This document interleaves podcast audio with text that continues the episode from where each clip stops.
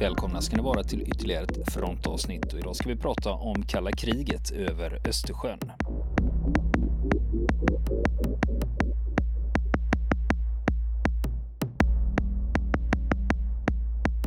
Och nu ska vi fortsätta lyssna på Lennart Karlsson berätta om kalla kriget över Östersjön.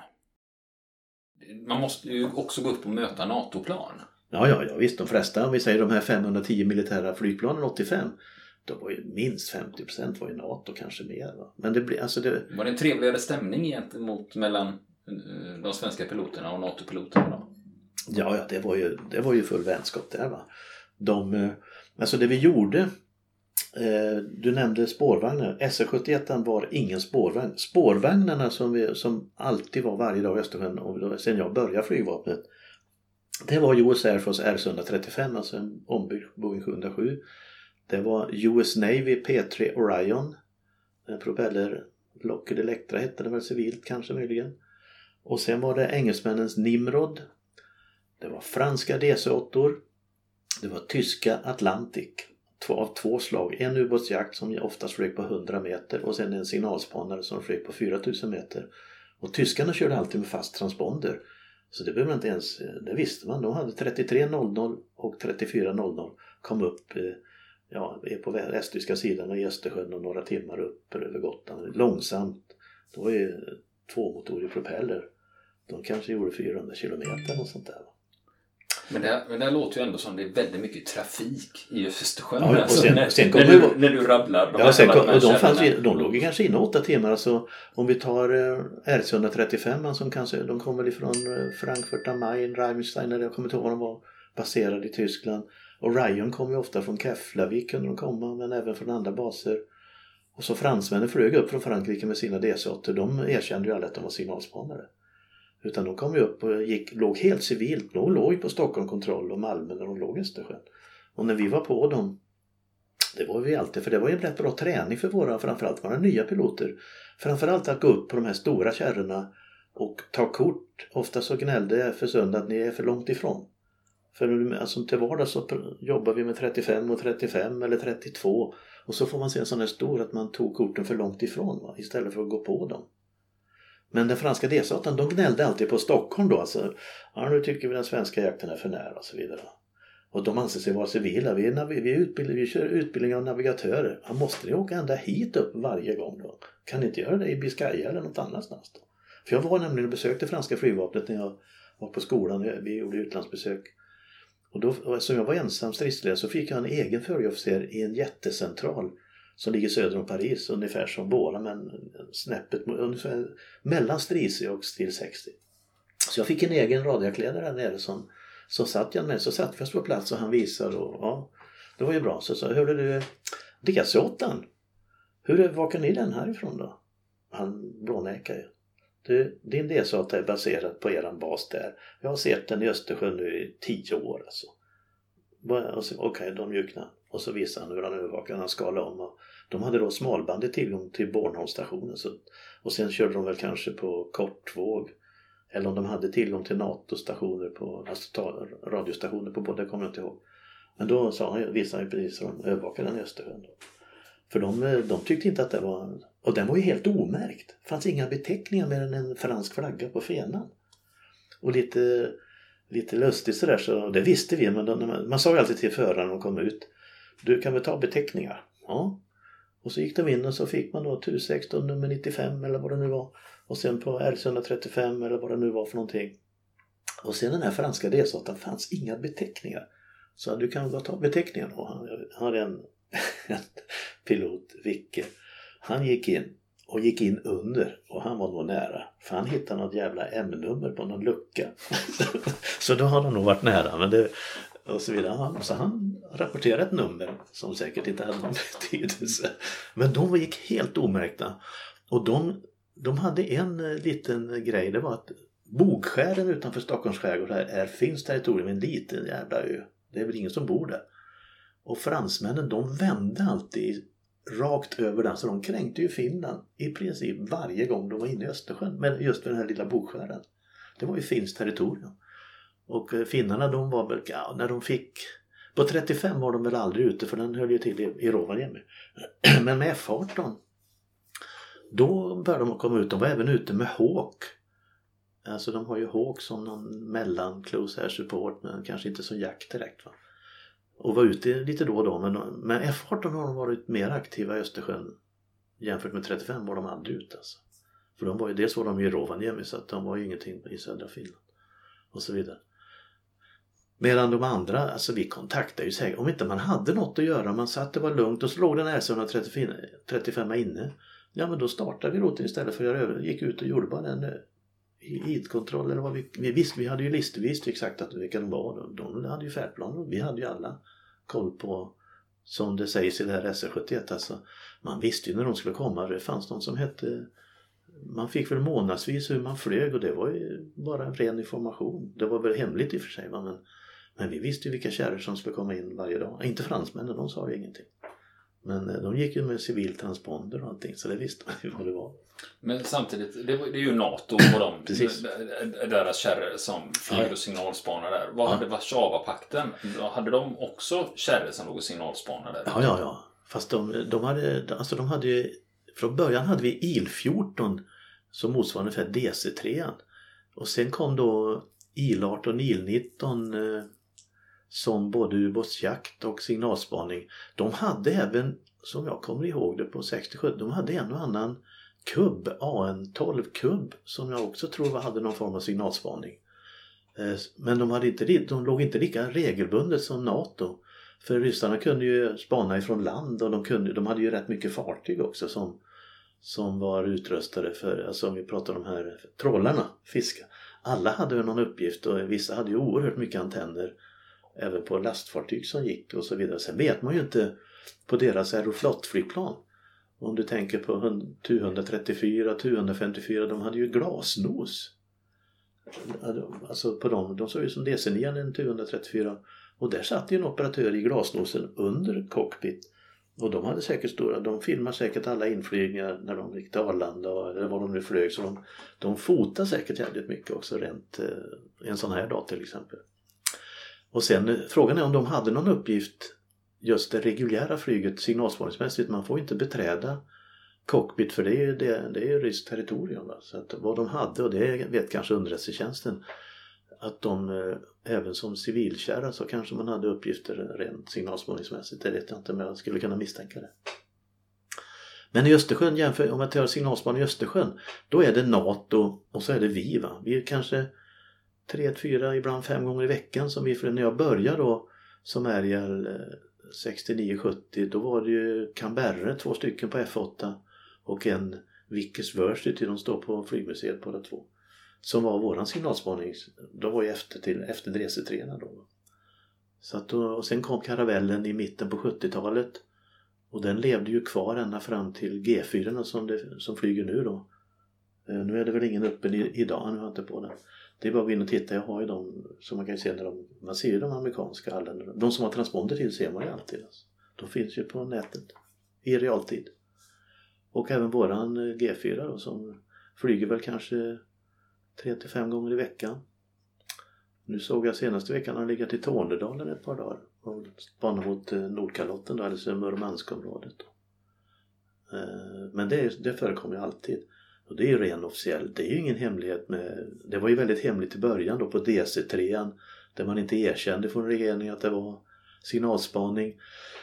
Och när vi flög med Caravelle, eller när vi flög med Canberran och då hade man olika andningssignal varje dag så att den hette Caravelle, eller eh, canberran hette Helge 01 och 02, Helge F8 då, åttonde bokstaven. Och eh, Vickers Versity hette Helge 80 men det heter de aldrig när de flög, när de pratade med oss. Vi satt ju alltid och övervakade dem. Rent eh, så att eh, om det eh, hände något och det kom rysk jakt eller vad det nu var. Plus att man orienterade mot annan civiltrafik. Då hette de ju, då kunde de heta Adam 33 eller Caesar 01 eller något sånt där. Men alltså rent signalspaningsmässigt, det var ju dömt att misslyckas. Om vi tar Karavellen och Olsson var navigatör, det var han som pratade med oss. Han behövde ju bara säga en stavelse så visste man att det var Karavellen för han hade en speciell dialekt. Och det visste ju alla om förmodligen. Va? Alltså man, och sen pratar de med, det är viss skillnad när du har mask när du sitter i jaktflygplan och de pratar med headset. Va? du hör, alltså som van radiopratare så hör du ju direkt att, det är, att de har ett headset och pratar i och inte mask. Så, som, som är jag när man pratar fyra, fem pass om dagen, så det, det hörde man ju direkt. Alltså. Och det ryssarna var inte sämre de. Om de, om de nu lyssnar på tugget, de visste ju säkert de såg ju var de kom ifrån och vilka banor de körde så det var ju samma banor i Östersjön som alla körde. Det var inget specifikt. Förutom SE71 som hade sin speciella bana. Men tyskarna flög också mellan Öland och Gotland. Eh, det hände med Atlantiken men framförallt hade de spaningstornado som hade någon eh, pass då och då där de kom rote och flög på 100 meter runda Gotland och så ner mellan Öland och Gotland. Och de möttes, de var vi alltid uppe på det. Man visste ju vad det var för de, eh, Men alltså man, det var, och de ville gärna, gärna kurva lite. Det finns många piloter som har berättat om det. Att de vill gärna köra ett par varv och så vidare.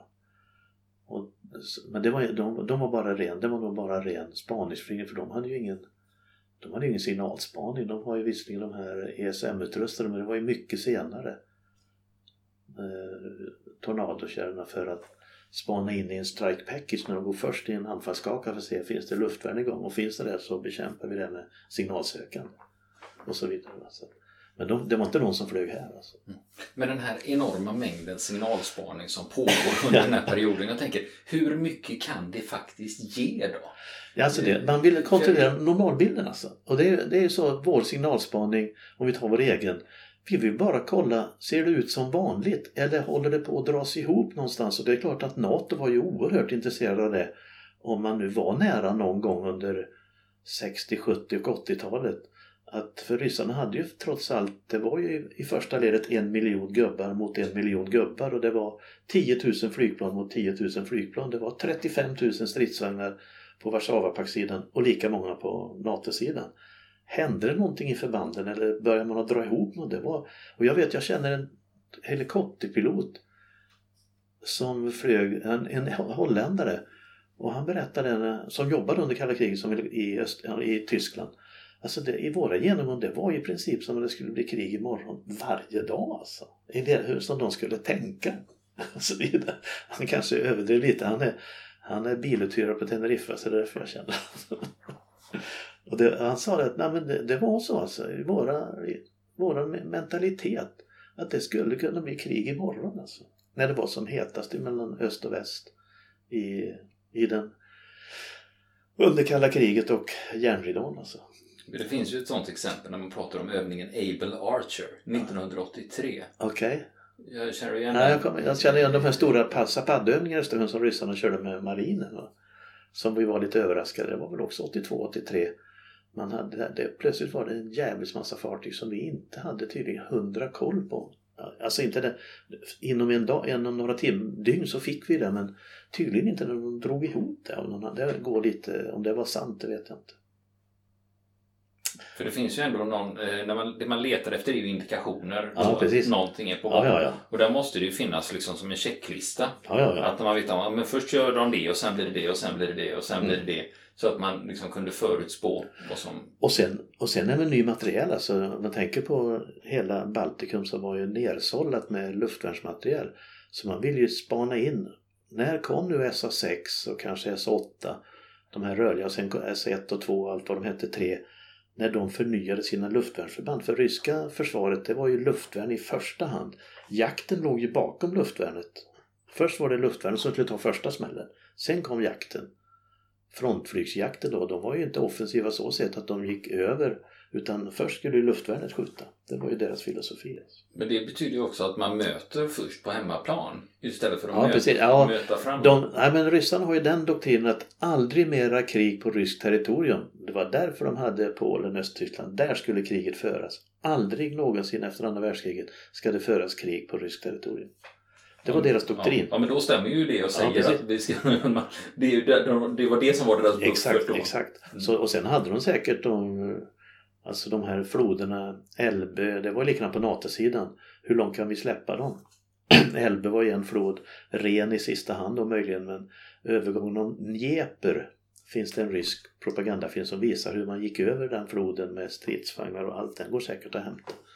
Eh, den tittar vi på. just hur de jobbade då. Då är det ju väldigt propaganda hur artilleriet skjuter och det träffar exakt och bara maler sönder den här linjen. Och så vidare. Men det är just eh, de här floderna i Europa här var ju oerhört strategiskt viktiga. Att, eh, så att man skulle hejda dem vid de olika floderna. Och så vidare. Broarna bort och allt det här. Och ryssarna, Warszawapakten hade ju oerhörda brobyggnadsresurser till exempel. Och så vidare. Men just om vi tar normalbilden här för oss. Då var det ju i vårt närområde. Vad har man för material? Och det var så att vi satt och väntade på SU-24. Vi satt och väntade likadant med, med, med när eh, Blackjack hette den inte utan den hette Backfire. När den, den hette ju TU-26 i, i början kallade vi den TU-26 Backfire som efterträdde TU-16 och TU-22 Blinder. Badger och Blinder. Och då var ju den i strategiska flyget och så småningom Östersjömarinen. Den var vi intresserade av. Då satt vi också och väntade dygnet runt. Den kommer snart nu säger underrättelsesidan. Och vi satt där ute och då satt man i incidential dygnet runt och då var vi två som byttes av. Och så kommer den till slut och så får man kort och allt det här. Eh, det var ju oerhört viktigt att veta. Och vad kan den här kärran då? Hur stort hot är den mot oss? Och hur stor last har den? Och, vad, och det var ju, alla var ju, kunde ju vara kärnvapenbestyckade. Både TU-16 och TU-22. Och TU-26 som sedermera hette TU-22M.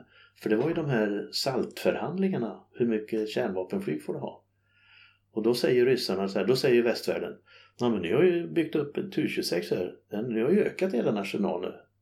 Vi har ju kommit överens. Nej, men vi har inte ökat säger ryssarna. Det är en modifiering av TU-22 Blinder och därför heter den TU-22M. TU-22 modifierad heter den då. Men det är två helt skilda flygplan men de har TU-22 beteckning båda två. Och den satt vi också, det var vi också först i västvärlden som, eh, som hade kontakt med den i Östersjön och tog kort. Den första, Thomas Karlsson som var den första en F1-pilot som mötte den första gången. Handkamera, de matar inte den här kameran. Så han tar ju bilder när den står still. Va? Men han gjorde en väldigt fin teckning på när han mötte den första gången. Eh, hur den profilmässigt. Han ritade på knäblock. Och det blev faktiskt ganska bra. Sen tog det bara några dagar. Men då var det inte F1, då var det en F, jag tror det var en F4-rote som stod i beredskap. De fick de första bilderna på den. Då. Det var här också, jag tror det är sent 70-tal vi pratar om. Då. Du nämnde något, det var en NATO-övning på västkusten. Precis. Eh, och det var inget ovanligt i det. Eh, problemet var att eh, det var US Navy, det fanns säkert andra förband men de låg med ett hangarfartyg ute i Skagerrak och sen var deras F-18 inne på Ryggebasen som ligger i södra Norge, en utav deras jaktbaser på den tiden som inte är nu längre. Det var ju Rygge, Örlandet och Bodö som är de tre stora norska baserna. Idag är Bodö kvar för F35 i stort sett. Men då, då satt jag, jag satt Jarl den här kvällen eller dagen. Vilket, vilket årtal pratar ja, vi nu? Alltså Ungefär det, mitten av 60 Nej, det måste vara... Mitten av 80-talet? Ja, det måste vara, det är på 80-talet, det är jag nästan säker på. Ja, de hade ju F18 så det var det innan hade de F14. Så det måste vara 80-talet i och med att de hade F18 på hangarfartygen. Så de, eh, då startade de eh, helt omedvetet, de startade rakt söderut från Rygge och gick ut över havet och är det så du inte svänger västerut då då kommer du att kränka Sverige vid Kosteröarna för det går ju liksom ut och sen går det in mot Idefjorden där om du tänker territorialgränsen. Men de startade söder sen gled de väl västerut men många av dem kränkte då svenskt territorium ungefär vid Kosteröarna.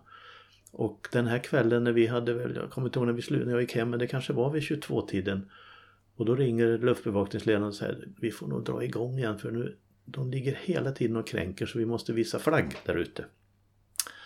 Och eh, då, då sa jag, då drar vi igång igen. Ta tag i piloterna och teknikerna så vi får igång kärrorna. Jag kommer om en halvtimme. Och så gjorde vi. Och det vi gjorde då, att de, och det var två AJ37 från F15 som stod baserade på Såtenäs. Och vi stod alltså på Såtenäs. Det gjorde vi ofta när det var stora NATO-övningar i Västerhavet. Då kunde man stå på Såtenäs, annars var ju våran huvudbasering på ostkusten. Typ alltså från södra Sverige, Ängelholm, Ronneby, Bråvalla, Visby, Tullinge, Uppsala på den tiden. Men nu stod vi på Såtenäs och det var ju för den här övningen.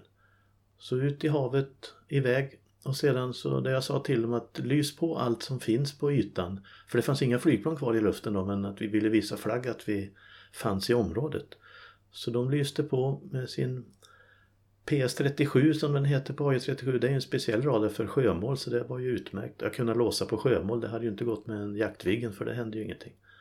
Men däremot att låsa på, då får man ju en ordentlig signal i sina ESM-system att man är pålåst av en attackradar. Så de gjorde det, de låste på allting de kunde, flög Strömstad ner till Varberg och så upp igen och sen hem till Såtenäs. Och sen hände inget mer den natten. Medan nästa dag så då kom ju NATO-flyget igång och då var vi ute på plats först med den här AJ-roten som mötte då ett par F-18 och som jag berättade, eller han ena rotechefen som jag kände väl, eller känner väl han sa det att jag har nog aldrig fått så mycket stryk i luftstrid som vi fick vid den här kontakten. Och lite senare på dagen så satte vi då in JA37 i det här området och då blev det väl lite mera jämnt i de olika mötena där på över, över Skagerrak. Så det var, det var en eh, händelse. Men det var, en, alltså det var en dag på jobbet. Det var aldrig något som skrevs om det här. Det skrevs, alltså kränkningarna kom upp i den totala statistiken för året som redovisas av ÖB varje år. Vi hade väl ett 40-tal kränkningar. Om jag kommer ihåg rätt vid den här tiden. Och det mesta var ju NATO. Det var en annan Warszawapakt. Vi hade bland annat Östersjön. Det kom till U16 och det var stora åskmoln. Om det nu var en provokation eller inte men de gick norr om åskmolnet i norra Östersjön och så ner och flög över hela Gotland innan man återgick in i kolonnen som låg längre österut. Det var, och sen att eh, man kränkte, eh, det var väl Gotland i huvudsak. Någon kanske har kränkt i söderut. Vi hade ju bland annat två östtyska mig en gång i tiden, det var nog på 70-talet som startade i Östtyskland. Om det var felnavigering, men de gick rakt norrut, upp över Skåne och vände vid Osby och söderut igen. Fast det var helslutet så de såg aldrig land alltså. Men det var en, ansågs vara en väldigt grov kränkning. Och det var östtyska piloter i, i det förbandet. Då. Och det hände ju någon gång sånt där.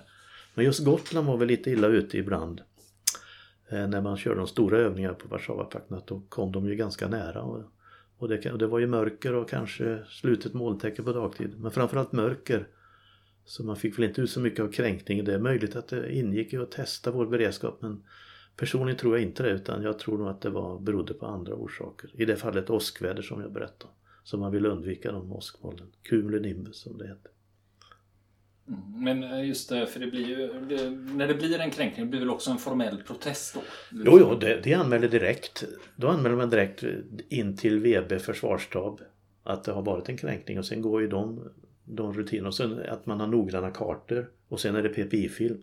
Så man skickar med det. Sen går, sen går det ju till i detta fallet den ryska ambassaden eller amerikanska som det var på västkusten. Och det finns rutiner för det. det och likadant, vi försökte, vi har ju också kränkt. Det finns väl ingen, eh, eller väldigt få radarjaktsledare som inte någon gång har varit i närheten av Bogskären, Kristiansö vid Bornholm om man jobbar i södra Sverige eller i Tornedalen att man har varit inne och tullat någonstans i, i norra Bottenviken kanske. Men då har vi alltid haft att man måste vara ärlig. Kränker jag, smyg inte, mörka aldrig utan säg direkt. Nu har jag kränkt. Kränkt eh, bokskären och, så och det går direkt in till försvars försvarsstaben på den tiden. Så att man då vill helst vara först och be om ursäkt till den ambassad som jag kränkt då. Va? Innan de, de har kanske sett det men vi hade alltid den policyn att vi skulle vara först och be om ursäkt. Alltså. På ett, det var ett diplomatiskt sätt och så vidare. Det var alltid Men skickar man också med en förklaring då? Att vi gjorde jo, det på grund av ja, det här? Det, det, det skrivs ju en rapport och sen vet jag inte hur mycket man lämnar ut ifrån från försvarsstaben eller så vidare. Men det, det fanns ju alltid en orsak. Att man av någon anledning hade alltså det, antingen var det misstag att man kanske hade tappat radiokontakt eller någon, gjort någon felaktig sväng, styrorder och så vidare. Det fanns också ett förband, vi hade en övning på västkusten just och det var en division ifrån om jag ska ta en liten rolig historia när man kränker. En division från F1 som låg baserad på F10 skulle gå mål och anfalla Sverige från väst, alltså in på västkusten. Och de skulle starta F10, gå ut i Kattegatt och sen komma in mot Göteborgsområdet och då skulle det vara jakt som står på Säve och ut och anfalla de här. Och då, då tyckte den här gruppen, det var en fyrgrupp 35, Ja, alltså i 35 fanns det ju inga navigeringssystem. Det är ju ögon och så vidare och sen möjligen du kan ta en bäring avstånd till startbasen. Men de gick ut och då kom någon listig på det. Nej men nu går vi rätt ut. Det är ju Anholt och Läse. Vi tar Läse som utgångspunkt. Och då satt eh, en kamrat till mig, han satt som målradioakledare just på V2 Svala. Där. Och eh, så de gick tyst ut. Ängelholm och läste, där måste vi ju hitta. Upp och så in mot Göteborg. Och så anmälde de sig rakt över Läsö till Bengt-Olof som han heter. Då säger han, men ni är ju över danskt territorium och då säger en av piloterna, läs över för djävulen svenskt. Till exempel. Så det var en liten rolig historia som då fick vi be ursäkt till danskarna. Men då säger den ena piloten, läs över för djävulen svenskt. Det tyckte han då. Det var den här tredje klassens geografi som man inte gått hem där. Nej. Nej men ibland kan det ju vara lite förvirrande. Jag har ju alltid varit lite osäker på Ven. Som ligger ute i Öresund. Är den dansk eller svensk? Ja, den är svensk. och sen är det också så, så är det, och det är internationella regler. Alltså du får aldrig stänga in någon. Har du kust, i detta fallet mot Östersjön som både Ryssland, Estland, Lettland, Finland har. Då, då får du inte stänga in dem. Du måste alltid tillåta dem att passera ut i Öresund. Trots att det inte finns något internationellt vatten där. De kan flyga ut där, ryssarna och fartygen har vi ju sett många gånger, alltså krigsfartyg som går ut och in. Du får aldrig stänga. Har du kust mot ett hav, och det är väl likadant i Svarta havet förmodar jag, då får, eller, och så vidare. Du får aldrig stänga på spåren för eh, ryssarna om du har kust mot det här innanhavet. Och det är likadant i Östersjön. Så att ryssarna har full rätt, och även finnar och, och polacker, att gå ut i, mellan eh, Sverige och Danmark i Öresund till exempel. Med fartyg och flyg. Fast man får inte gå dolt alltså. Går du med ubåt så måste du gå i över, övervattensläge. För du, apropå, du nämnde polacker, för du nämnde någonting förut när du pratade om polacker, att det var någon historia. Ja, alltså han, ja just det. Det var ju i min barndom att det var en polsk pilot i en MiG-15 som, eh, som rymde och eh, landade i Sverige i Horred, ganska nära 41 i ett plöj. Han landade lugnt och stilla, slut på bränsle och den kärran som man kommer ihåg då, den var ju nästan helt oskadd. Alltså han buklandade i ett plöje där och så klarade sig perfekt. Och det var en polsk pilot som hoppade ja, av och ja, tog med han sin... asyl alltså. Tog med sin MIG-15 till Sverige. Precis. Men det... han satte ner den i en åker eller? Ja, det var ett plöje där som han låg. Och den, han gled bara. Det var väl blött ifrån viskan kanske, jag vet inte. Så han, och den, och den när man såg bilderna som jag kommer ihåg, jag var kanske tio år då. Någonting sånt där den såg ju väldigt intakt ut. Vi var, inte, vi var aldrig och tittade på den tyvärr. Det hade jag ju kanske tyckt varit roligt om farsan hade velat köra ner och titta på den. För den låg ju där några dagar. Och sen togs den mellan hand. Jag vet aldrig om man körde tillbaks den. Det var väl inte mycket att köra tillbaks egentligen. Men den dissekerades säkert utav av svensk eh, personal ifrån underrättelsesidan. Det tror jag. För det måste ju ha haft ett värde liksom. Jo, det är klart. Det, det på var den ju, tiden att få var, en MIG-15 i. Ja, ja, det var ju 29ans motsvarighet inom Warszawapakten så det är klart det var intressant. Och så vidare. Så det gjorde säkert. Det gjorde säkert. Och det finns ju beskrivet i Borås Tidning bland annat. Kommer jag ihåg. Och nästa vecka fortsätter vi lyssna på Lennart Karlsson och hans historia. Vill ni komma i kontakt med oss så kan ni göra det via vår Facebook-sida som heter Fronten. Det är inga problem för er att leta er fram där. Eller också så mejlar ni på vår mejladress och det är frontenpodcastgmail.com.